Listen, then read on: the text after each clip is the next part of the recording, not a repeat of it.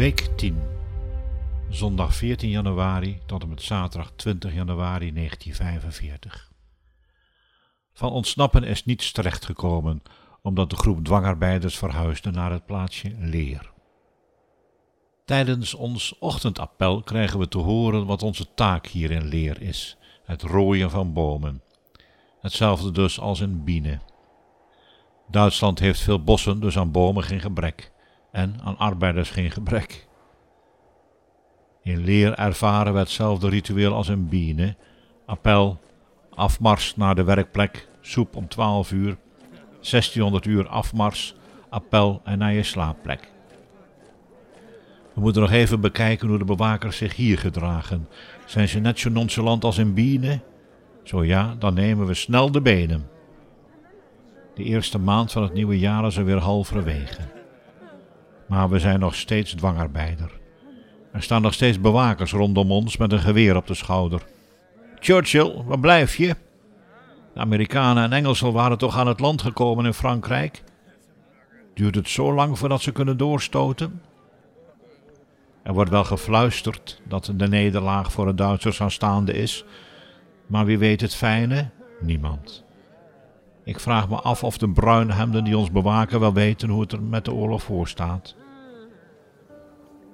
Ik denk er veel aan wat ik de laatste twee maanden allemaal meegemaakt heb.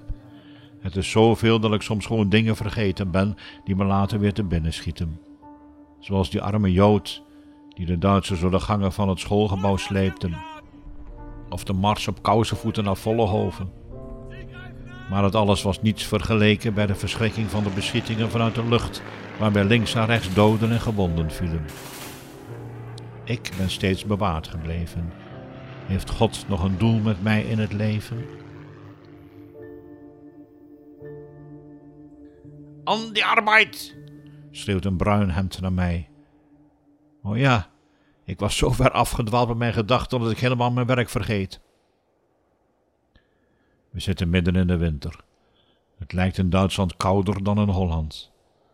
Maar als ik eerlijk ben, was het in de polder ook niet altijd even lekker in de winter.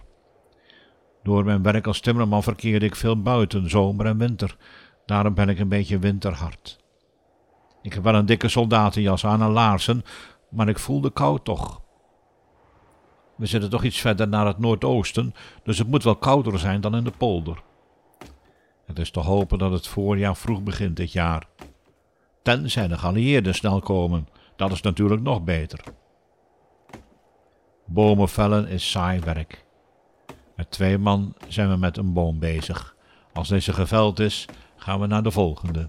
Een andere ploeg zorgt ervoor dat de takken verwijderd worden en weer een andere ploeg sjouwt de boomstammen op een kar. Ik kan niet zeggen in welke ploeg ik het liefste zit. Met takken afhakken kun je in de regel wat rustiger aandoen, dus dan houd ik dat maar op mijn favoriete werkzaamheden. Je moet toch ergens lollen hebben, toch? Het is een voorrecht dat ik nog steeds samen ben met nog drie Urkers. We zijn al twee maanden bij elkaar. We ondersteunen elkaar. We beuren elkaar op en helpen elkaar er doorheen. Ik maak me zorgen om mijn ouders of mijn familie. Als hen iets overkomt, dan weet ik er niets van. Als een van hen komt te overlijden, weet ik van niets. Mijn vader en moeder zijn niet oud, maar je weet het maar nooit. Elke dag kwamen geallieerde vliegtuigen over Urk toen ik nog niet opgepakt was. Dat zal nog wel zo zijn, omdat Urk een richtpunt is voor de piloten. Maar stel dat een bommenwerper boven Urk in de problemen komt en hij neerstort. Of zijn bommen moet loslaten boven een dorp, bovenop mijn ouderlijk huis. De afstand tot mijn familie voelt onmetelijk groot. Andersom zal het ook wel zo zijn. Stel dat ik de dood hier in den vreemde vind. Wanneer zouden mijn vader en moeder het horen? Deze gedachten beuren me niet bepaald op.